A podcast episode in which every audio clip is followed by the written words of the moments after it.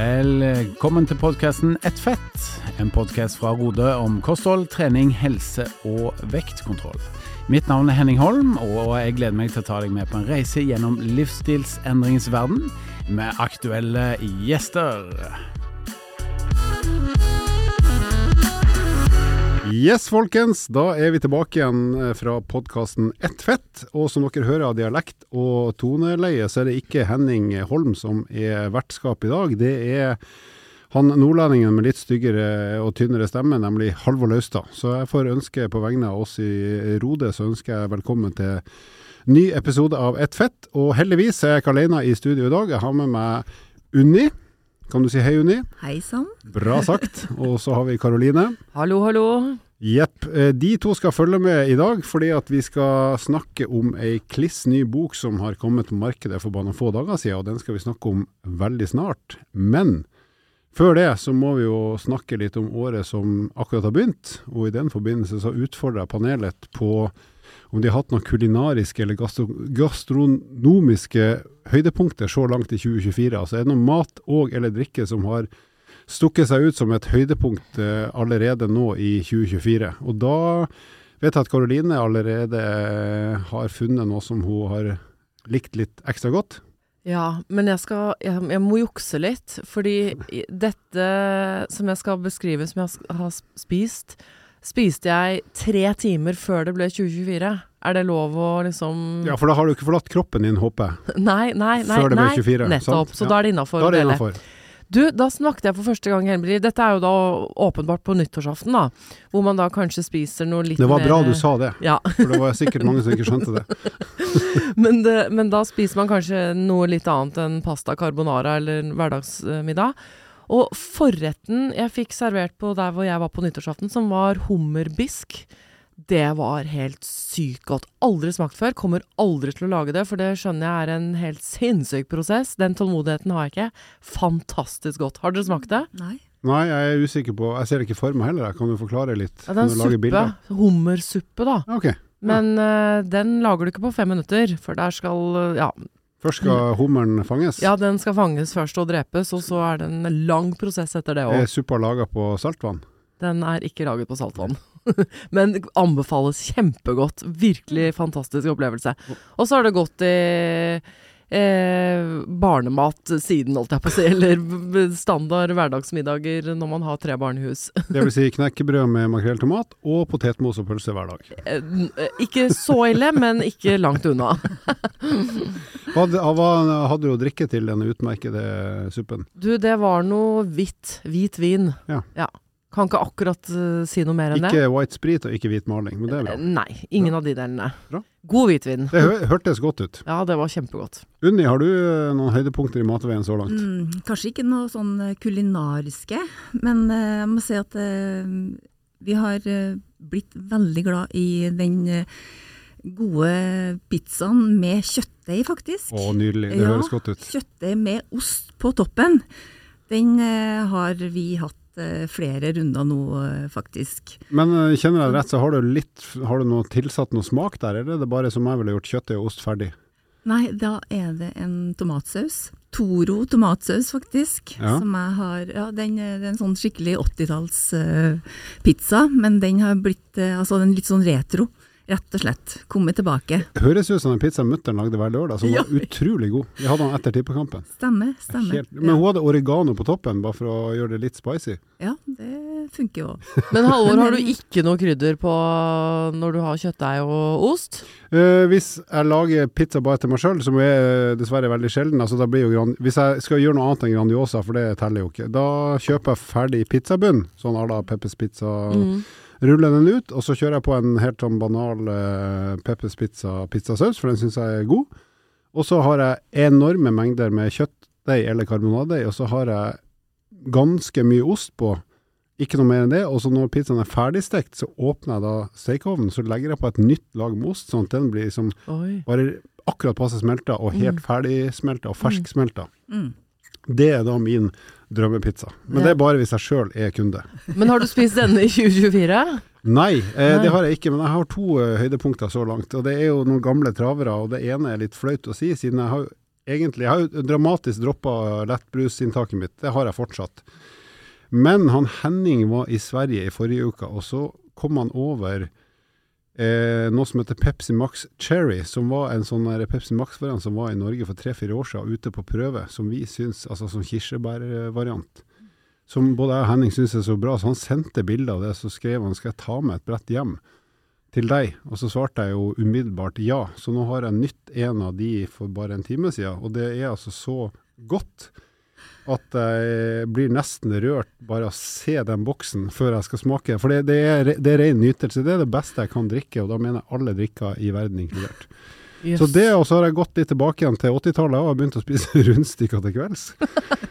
Og du spiser ikke knekkebrød lenger? Nei, nei, for jeg bare være litt crazy og gjøre noe annet. Altså rundstykker, men jeg har funnet en variant, for jeg syns jo rundstykker med jarlsbergost er veldig godt. Og så er det av og til at rundstykkene, hvis de deles i to, så blir de litt for tjukke, så det blir litt lite ost per eh, kubikkcentimeter rundstykkestoff. Så da har jeg begynt å dele rundstykkene i tre. Altså hvis du ser for deg et rundstykke i høyden, så deles det i tre istedenfor bare to. For da får jeg mer ostesmak per eh, mengde yes. rundstykkestoff. Ja. Så det er min nye favoritt, og så da med, selvfølgelig med litt paprika og agurk til. Men la meg vedde, dette er ikke rundstykker du lager selv og baker selv? Eh, det her er rundstykker jeg steker sjøl, jo. Ja, men eh, lager? Steker selv, ja.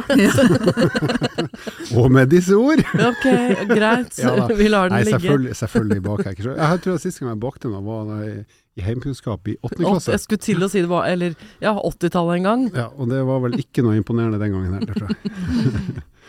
Unni, Yes. du må lære han sånn eltefri bakst, Ja, for det er det veldig lett er og veldig godt. Veldig, veldig enkelt, da. Mm. Veltefri bakst. Elte. Hva gjør man da? Er det tørrgjær, altså så bare se på at det blir noe stort? Ja, da rører du egentlig sammen deigen kvelden før. Og du trenger ikke å se på det. Nei, absolutt ikke. Det tar kun noen få minutter. Og så bare altså, står det og koser seg Mm. gjennom Kose seg over natta. og Det er kjempegodt. bak, du trenger ikke å bake det, du bare legger det sånn med skje på, på plata. Må jeg steike det da, eller? Mm. Det Det må du jo for så vidt. Men det går kjapt, det òg. Ja, det er må faktisk et tips. La meg se om det kan være noe man kan få til i løpet av året. Ja, ok. For jeg vet at det skjer ikke i morgen. Det er jeg helt sikker på. Det vet jeg òg. Men da skal vi ha en mikroskopisk pause, og så skal vi tilbake igjen til denne ukes tema. Vet du hva du får i et Rode-medlemskap? Du får tilgang til Rodes Ned i vekt-app, der du har full oversikt over det du spiser og det du trener, i tillegg til over 1500 oppskrifter. Du får personlig oppfølging av din veileder, og du får masse faglig påfyll hver eneste uke. Ja, da er vi tilbake igjen. Og det vi skal snakke om i dag som hovedtema, det er rett og slett en bok som heter Kickstart 1000-kaloriersdietten. Eh, Det er en bok som må vi bare si med en gang som vi tre har skrevet, og det her blir jo ikke bare snikreklame, det blir jo på det groveste eh, direkte redaksjonelle omtale av et produkt vi sjøl har laga. Men vi syns det er verdt å bruke en episode på det, for vi tror det kan være interessant for mange av de som hører på. Eh, og når jeg sier at vi tre har skrevet den, så er jo sannheten at det er Karoline og Unni som har skrevet 89,5% av den boka. Så eh, la nå den æren gå til dere to, eh, først og fremst. Og den eh, gis ut på Gyldendal Forlag og er nå å få kjøpt både på nordli.no og selvfølgelig i bokhandler rundt omkring. Eh, og det her er jo ei bok om eh, vektkontroll, det er det vel ingen tvil om. Så jeg vet ikke, Karoline, skal du si litt om bakgrunnen for tittelen først? Hvorfor heter den Kickstart og 1000-kaloriersdietten? Ja, det kan jeg gjøre. Den, eh, altså selve boken har jo Bakgrunnen for boken ligger i en stor studie som vi har gjort med, med, samarbeid med Sykehuset i Vestfold, Senter for sykelig overvekt. For, det, for mange år siden så begynte vi å snakke sammen om å gjøre en studie sammen, og så valgte vi Kom vi da fram til temaet etter hvert, når vi så på da dette her at Eller vi, vi begynte å snakke om det der at det har jo lenge vært en eh, saying man har lenge sagt, at hvis man går fort opp i vekt, så går man fort ned i vekt. Nei, så går man, legger man fort på seg igjen. Fort opp, eller fort ned, betyr fort opp igjen. Og så har det vært noen små studier her og der som har begynt å utfordre den sannheten i gåseøynene, da. Eh, Så vi valgte å ta dette her et steg videre og gjøre en stor studie på dette her.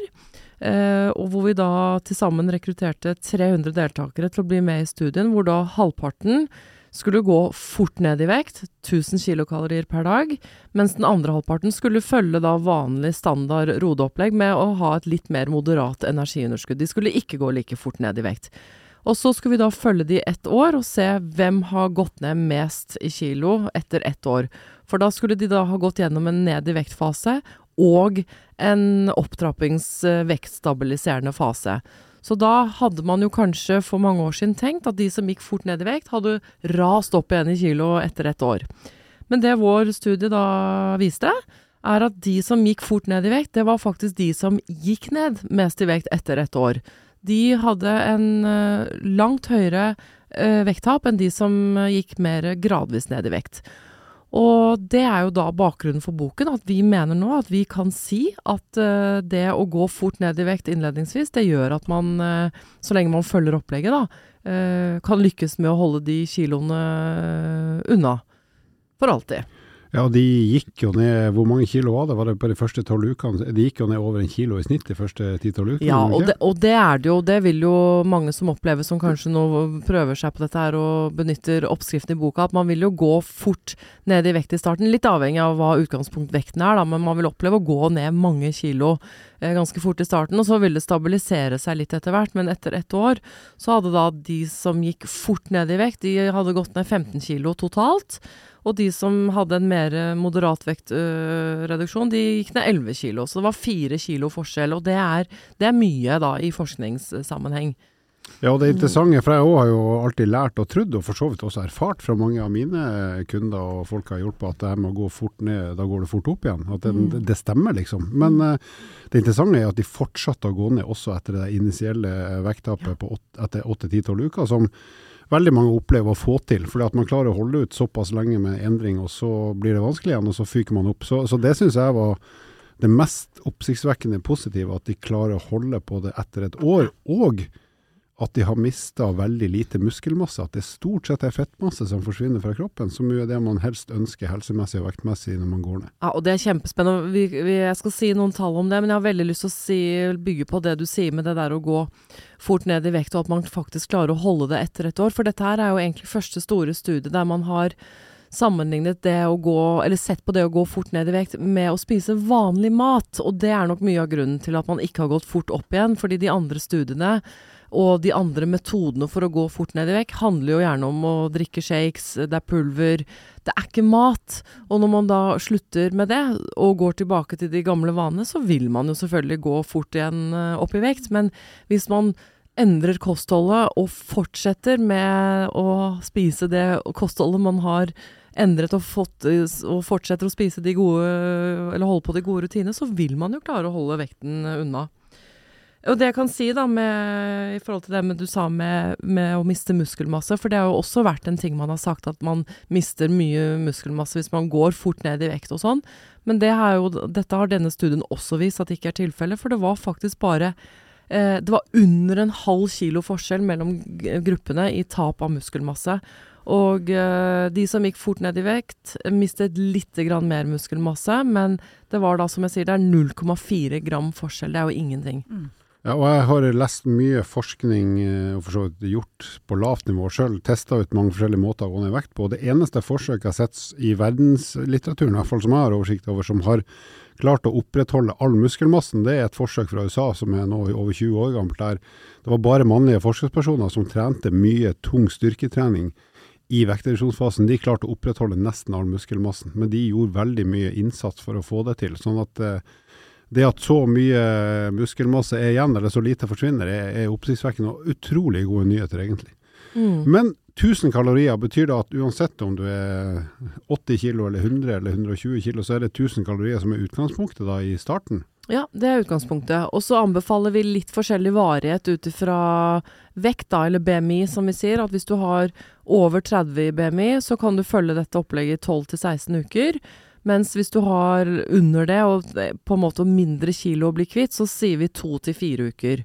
Og alt utover dette, enten du har over eller under 30 BMI, og hvis du vil følge opplegget lenger enn det vi anbefaler, så anbefaler vi da at man gjør det med, med, med profesjonell hjelp, da, rett og slett. Fordi da vil du få eh, Du kan jo da få holdt jeg på å si næringsmangel, rett og slett. For hvis du fortsetter det underskuddet såpass lenge, så, men innenfor de rammene vi har satt det, så er det helt trygt. Så lenge man ellers er frisk. Det er noen eh, som bør eh, Som ikke anbefales å gjøre dette opplegget her. Hvis man har kroniske sykdommer og alvorlig sykdom, men hvis man ellers er frisk, så er dette her eh, helt fritt fram og helt greit for hvem som helst. Som motiveres av å gå fort ned i vekt. Mm, og det gjør vel de fleste som har lyst til å ta et lite jafs ned på vektskåla nå etter, Ja, både ja og nei. Noen syns at dette her kan bli litt, eh, litt for tøft. eh, At det er vanskelig å få det til i en travel hverdag. eh, Kanskje man har små barn. man, man blir kanskje veldig preget av det høye energiunderskuddet, selv om faktisk kroppen venner seg mer og mer til det jo lenger tid det går. Det er liksom den første uka vi sier som er verst. Så noen trives bedre med å ha dette litt mer moderate energiunderskuddet, som gjør at det ikke føles så godt da, på kroppen. Men i hvert fall ut fra de utsagnene fra de jeg har snakka med, så det, har de blitt overraska over hvor greit det har vært å tilpasse seg. Det er noen dager som selvfølgelig er omstillinger, og så har det fungert. Og det er jo noen her som regelmessig bruker det eh, opplegget her i x antall uker for å justere vekta etter en høytid f.eks. Ja, og, og i studien så oppga jo stort flertall av de som gikk fort ned i vekt, at de fikk så mye overskudd etter bare kort tid, og var virkelig skikkelig gira. Mye mer vanlig å høre det enn i den andre gruppa, og, og det kan nok ha noe med å si at de har gått av fort ned i vekt i starten. De får en kjempeboost, de får en kjempemotivasjon, og mange av dem hadde jo nesten ikke lyst til å slutte på 1000 kalorier, de ville fortsette å spise det, men det er jo ikke noe vi anbefaler da, men det så godt syns de det fungerte på kroppen, rett og slett. Mm. Skal det sies da at i studien her, så, og det som ligger til grunn for boka, så har de jo fått hjelp av en eh, rodeveileder, så det vil jo uavhengig av boka kan være et smart tips.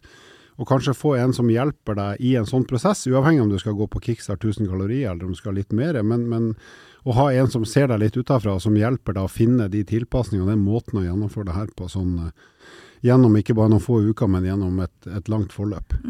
Men du Unni, du har jo laga alt av menyer og måltidsplaner osv. til det her opplegget. og Kan ikke du si litt hvordan, hvordan, er, hvordan er menyene og måltidene laga og satt opp og tenkt brukt? Eh, Altså, I boka så har vi laga en, en plan, altså en sånn fireukersplan, eh, hvor vi har foreslått eh, oppskrifter til hvert eh, måltid. Og, um, og her kan man jo bruke eh, egentlig planen helt slavisk, eller man kan plukke oppskrifter sånn ut ifra hva man ønsker. Og I tillegg så har vi laga en enkel mal eh, som egentlig bare går på måltidene og, eh, og mengder, rett og slett. Så så, hvis, så hvis jeg sitter og leser boka, så kan jeg forstå hva bør jeg, eller hva kan jeg velge til frokost, hva kan jeg ha som lunsj, skal jeg ha noe til middag, så finner jeg tips om det, og kveldsmat, mellommåltid vil jeg også kunne finne ulike forslag jeg kan plukke fra. Ja, det kan du. Så her har du mulighet til å sette sammen egentlig e- din egen meny, men samtidig eventuelt bare følge, følge den slavisk sånn som den er. Ja, for hvis du er i fall sånn som jeg da, som eh, hvis jeg liker noe, så liker jeg det resten av livet, så kanskje jeg finner noen favoritter i ulike måltidskategorier, så kan jeg egentlig Absolutt. forholde meg til de, kanskje ikke hver dag, men relativt ofte. Det kan du. Du kan gjøre det egentlig så e- litt sånn ensidig sånn sett, eh, med hvis du velger noen favoritter, eller at du kan eh, følge den sånn som den står, og, og få et veldig sånn variert og, og næring, eh, næringsrikt kosthold. Da. Men får man i seg nok næringsstoffer over tid på 1000 kalorier, eller bør man ha noe tilskudd eller sånt for å sikre seg det? Man bør jo ha Altså, det er jo eh, Ja, det er jo eh, Altså, vi anbefaler jo multivitamintablett og tran, sant, i tillegg, eh, uansett. Eh, men jo mer næringsrik mat man spiser, jo lettere er det å få i seg de næringsstoffene som man trenger. Men det er derfor vi sier at eh, åtte til tolv uker er nok, da. For at det kan bli vanskelig å få i seg nok næringsstoffer etter hvert. Ja, vi sier faktisk til og med litt lenger også til de som har BMI over 30, men ikke mer enn 16 uker, for da, da har, begynner kroppens lager av ting å virkelig mm, tømmes, da.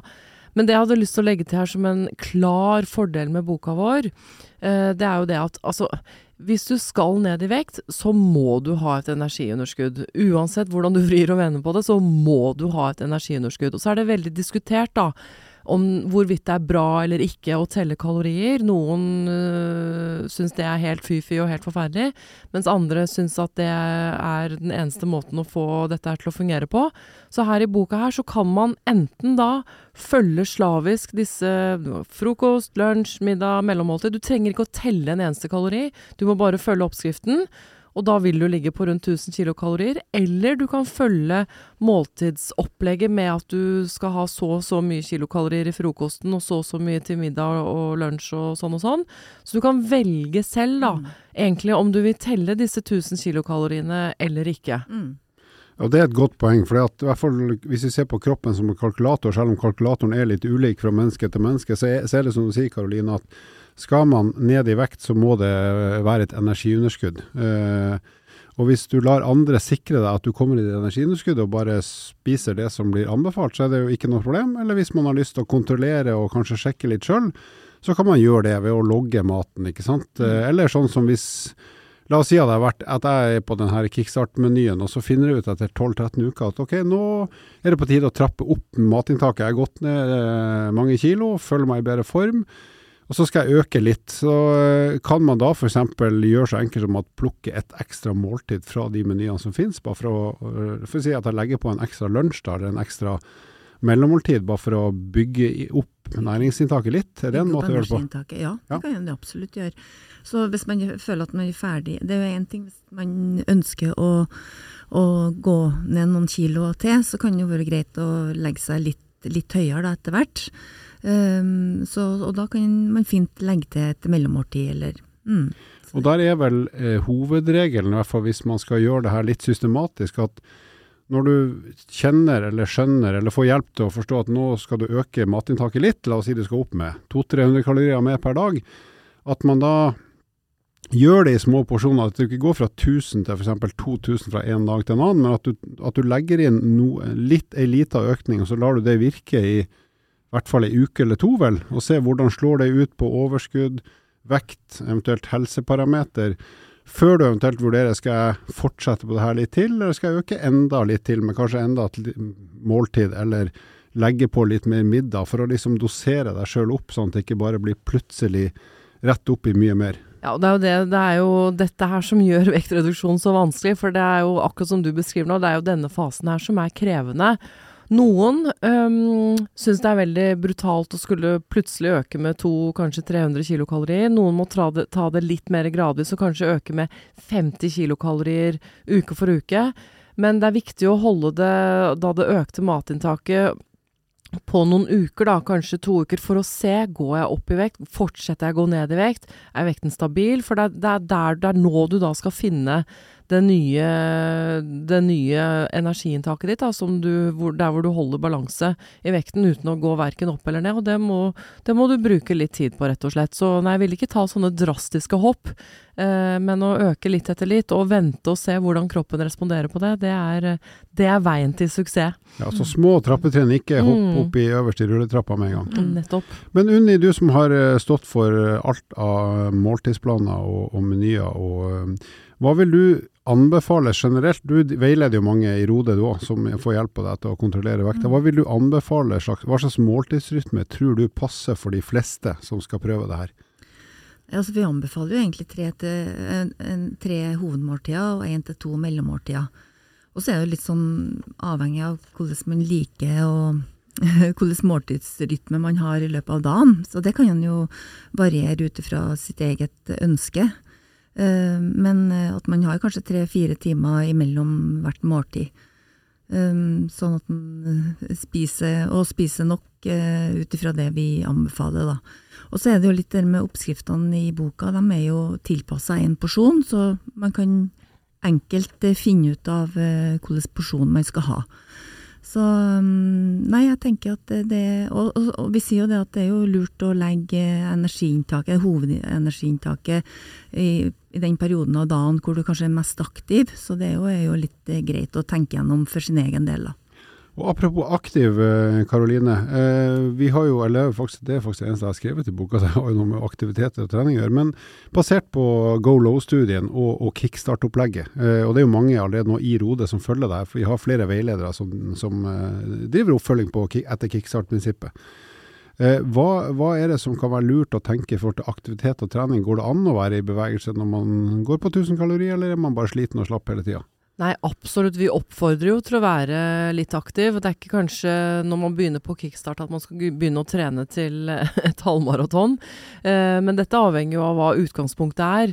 Eh, men hvis du er, har en høy BMI og er utrent, da anbefaler vi gåturer, lett trening, og, og i den grad man har overskudd og kapasitet, i hvert fall i starten. Og du, Halvor, er jo veldig for sånn motbakketrening og kan sikkert snakke litt mer om det, men i hvert fall at man gjør noe.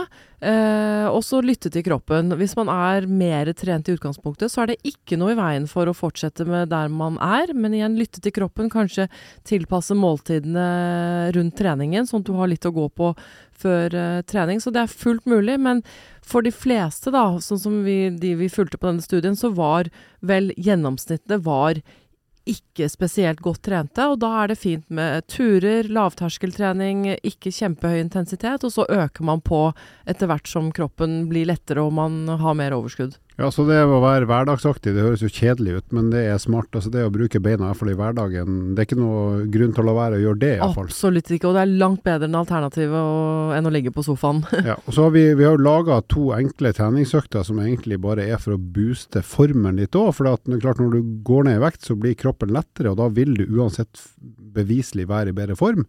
Men da vil det også være litt artigere å bevege på kroppen, for den er lettere enn før. Så da går det an å bruke det momentumet du har der til å kanskje legge inn ei lita treningsøkt i uka, kanskje til og med to. Så vi har laga noen sånne veldig korte, enkle forbrenningsintervaller som varer sånn par minutter, og så er det pause der du kan ut fra egen form egentlig få ei treningsøkt som får litt fart på hjertet og får litt fart på forbrenninga og formen, når du allikevel er inne i en sånn positiv trend med vektreduksjon og, og uh, bedre helse. Så, det er, så, det er, mulighet. Men som du sier, det er jo ikke noe vits å hvis, hvis, du er slapp en dag, så er det ikke noe vits å gjøre det. Prøve å være aktiv generelt da. Men når du liksom har kommet til tralten og kjenner at det her fungerer godt, så vil ikke sånn treningsøkt ødelegge dagen for deg. For den er verken spesielt hard eller veldig langvarig. Nei, og vi vet jo da, altså For å gå ned i vekt, så er det jo kostholdet som har mest å si. Men vi er jo veldig for at man skal sette i gang med å få bedre vaner når det gjelder aktivitet så fort som mulig. Og ikke minst så skal man tenke på det at det mentale overskuddet du sitter igjen med etter å ha trent, det kan hjelpe deg da i en prosess hvor det er lite energi og, og man, eh, man, er, eh, man, er, mye sulten, og, eller hvis man opplever det, da, at det kan hjelpe, rett og slett. Og så har vi, eh, som jo hele Norge vet nå, så finnes det jo en del vektmedisiner på markedet som hjelper folk med å gå ned vekt, og det er en god ting. Eh, så er spørsmålet, når man går ned vekt ved bruk av vektmedisin, så blir jo matinntaket dramatisk redusert. Altså Vi snakker vel om et inntak på rundt opp mot 1000 kalorier for de fleste. Er det her et konsept eller en meny, en måltidsplan som funker for de som bruker vektmedisin også? Ja, absolutt. For vi, man sier jo det at for å oppnå resultater ved å gå på vektreduserende medikamenter, så må man jo ta tak i kostholdet og aktivitet også.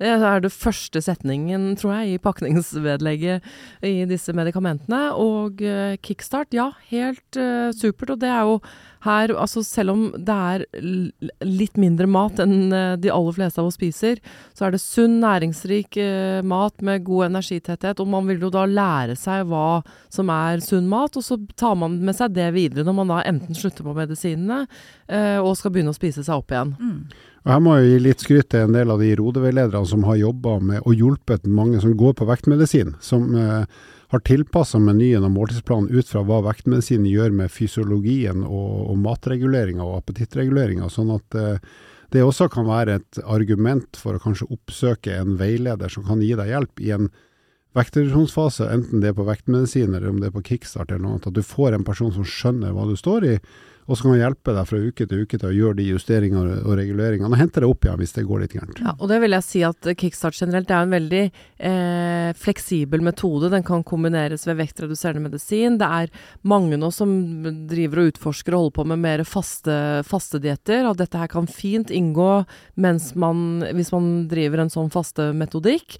Eh, alt dette her kan tilpasses. Selvfølgelig er det det kan være lettere å få veiledning når man driver med dette, hvis man skal kombinere disse forskjellige metodene. da. Eh, og ja, våre veiledere har jo god erfaring med dette her, men eh, ja, det er fullt mulig å kombinere. Og Til slutt så tenker jeg vi må jo si litt om hva kan man forvente eller håpe å oppnå, hvis vi tenker på primært vekta. Hvor mye kan man regne med hvis man følger det opplegget her i? La oss si at du følger den kickstart-menyen i la oss si tolv uker. da før du kanskje skal begynne å dosere litt opp. Hva kan man forvente i løpet av tolv uker, litt avhengig av utgangspunkt? Ja, altså øh, Nå var jo disse som gikk fort ned i vekt i studien, de gikk ned i snitt 15 kilo på et år. Men det er mulig å oppnå mye mer enn det. Eh, dette var jo bare et snitt av ikke sant, de 300 som var med. Så ja, så tolv uker du, du, I teorien så kan du jo gå ned en, vekt, en kilo i uka, eller i hvert fall inntil en kilo i uka eh, på den tiden der, så Og det så vi jo i studio nå, at det var jo flere som gjorde det ja, i de første ja, tolv ukene. Ja, ja. Så det er, eh, det er mulig. Men selvfølgelig avhengig av hvor tung er du i utgangspunktet, og at man følger opplegget. Men, selvfølgelig. Men, Der er det en fordel å være jo, jo større, jo bedre. Da vil du jo fortere øh, bli kvitt kiloene, ja. men det er litt av poenget med tittelen Kickstart òg, at det skal være et, et ordentlig, en, en, ordentlig boost i forhold til Ja. at du går ned mye i vekt fort. Og det er sannsynligvis veldig motiverende. Og så er det jo grunn til å tro, da, basert på alt som er gjort av tester, at det her er en måte som fungerer godt både på kort sikt og lang sikt. Ja, for du får så mye motivasjon. Du får en boost, og den tar du med deg da videre når, når vekttapet stopper opp litt og bremser litt. Men da er du så Da har du gått ned så mange kilo, du føler deg så mye lettere. Og vi snakker mye om vekt, men bare det å gå ned 5-10% av kroppsvekt, som ikke er så mye, det gir enorme helsefordeler. Og det vil man jo kjenne på enten man er veldig overvektig eller ikke. Vil man kjenne på flere plan eh, på egen helse. Og da sier jeg som Henning pleier å si, Halvor, har du en fun fact til oss i dag? Og ja da, takk Halvor, det har jeg, Henning. Halvor. Yes, eh, vi skal avslutte podden som vanlig med en fun fact. Jeg vet ikke om den, den er ikke så fun, men den er fact.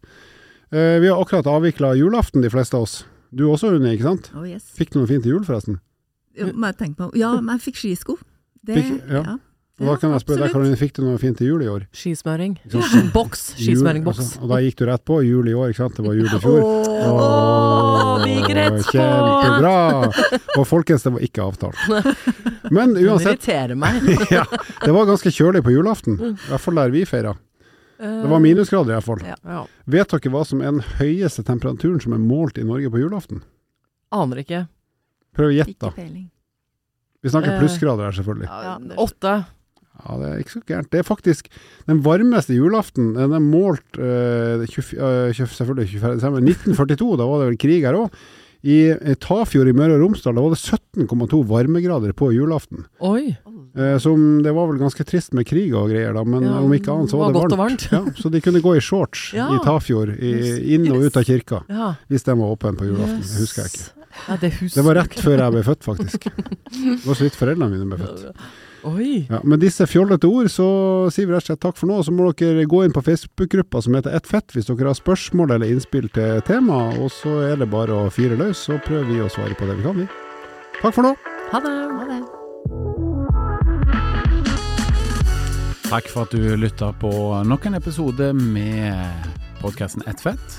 Dersom du er interessert i å lese mer om eh, livsstilsendring, gå inn på Rode-magasinet på rode.com. Vil du stille oss spørsmål som vi kan diskutere i en episode, ikke vær redd for å sende inn på Facebook eller Instagram hos eh, Rode. Til neste gang, vi høres.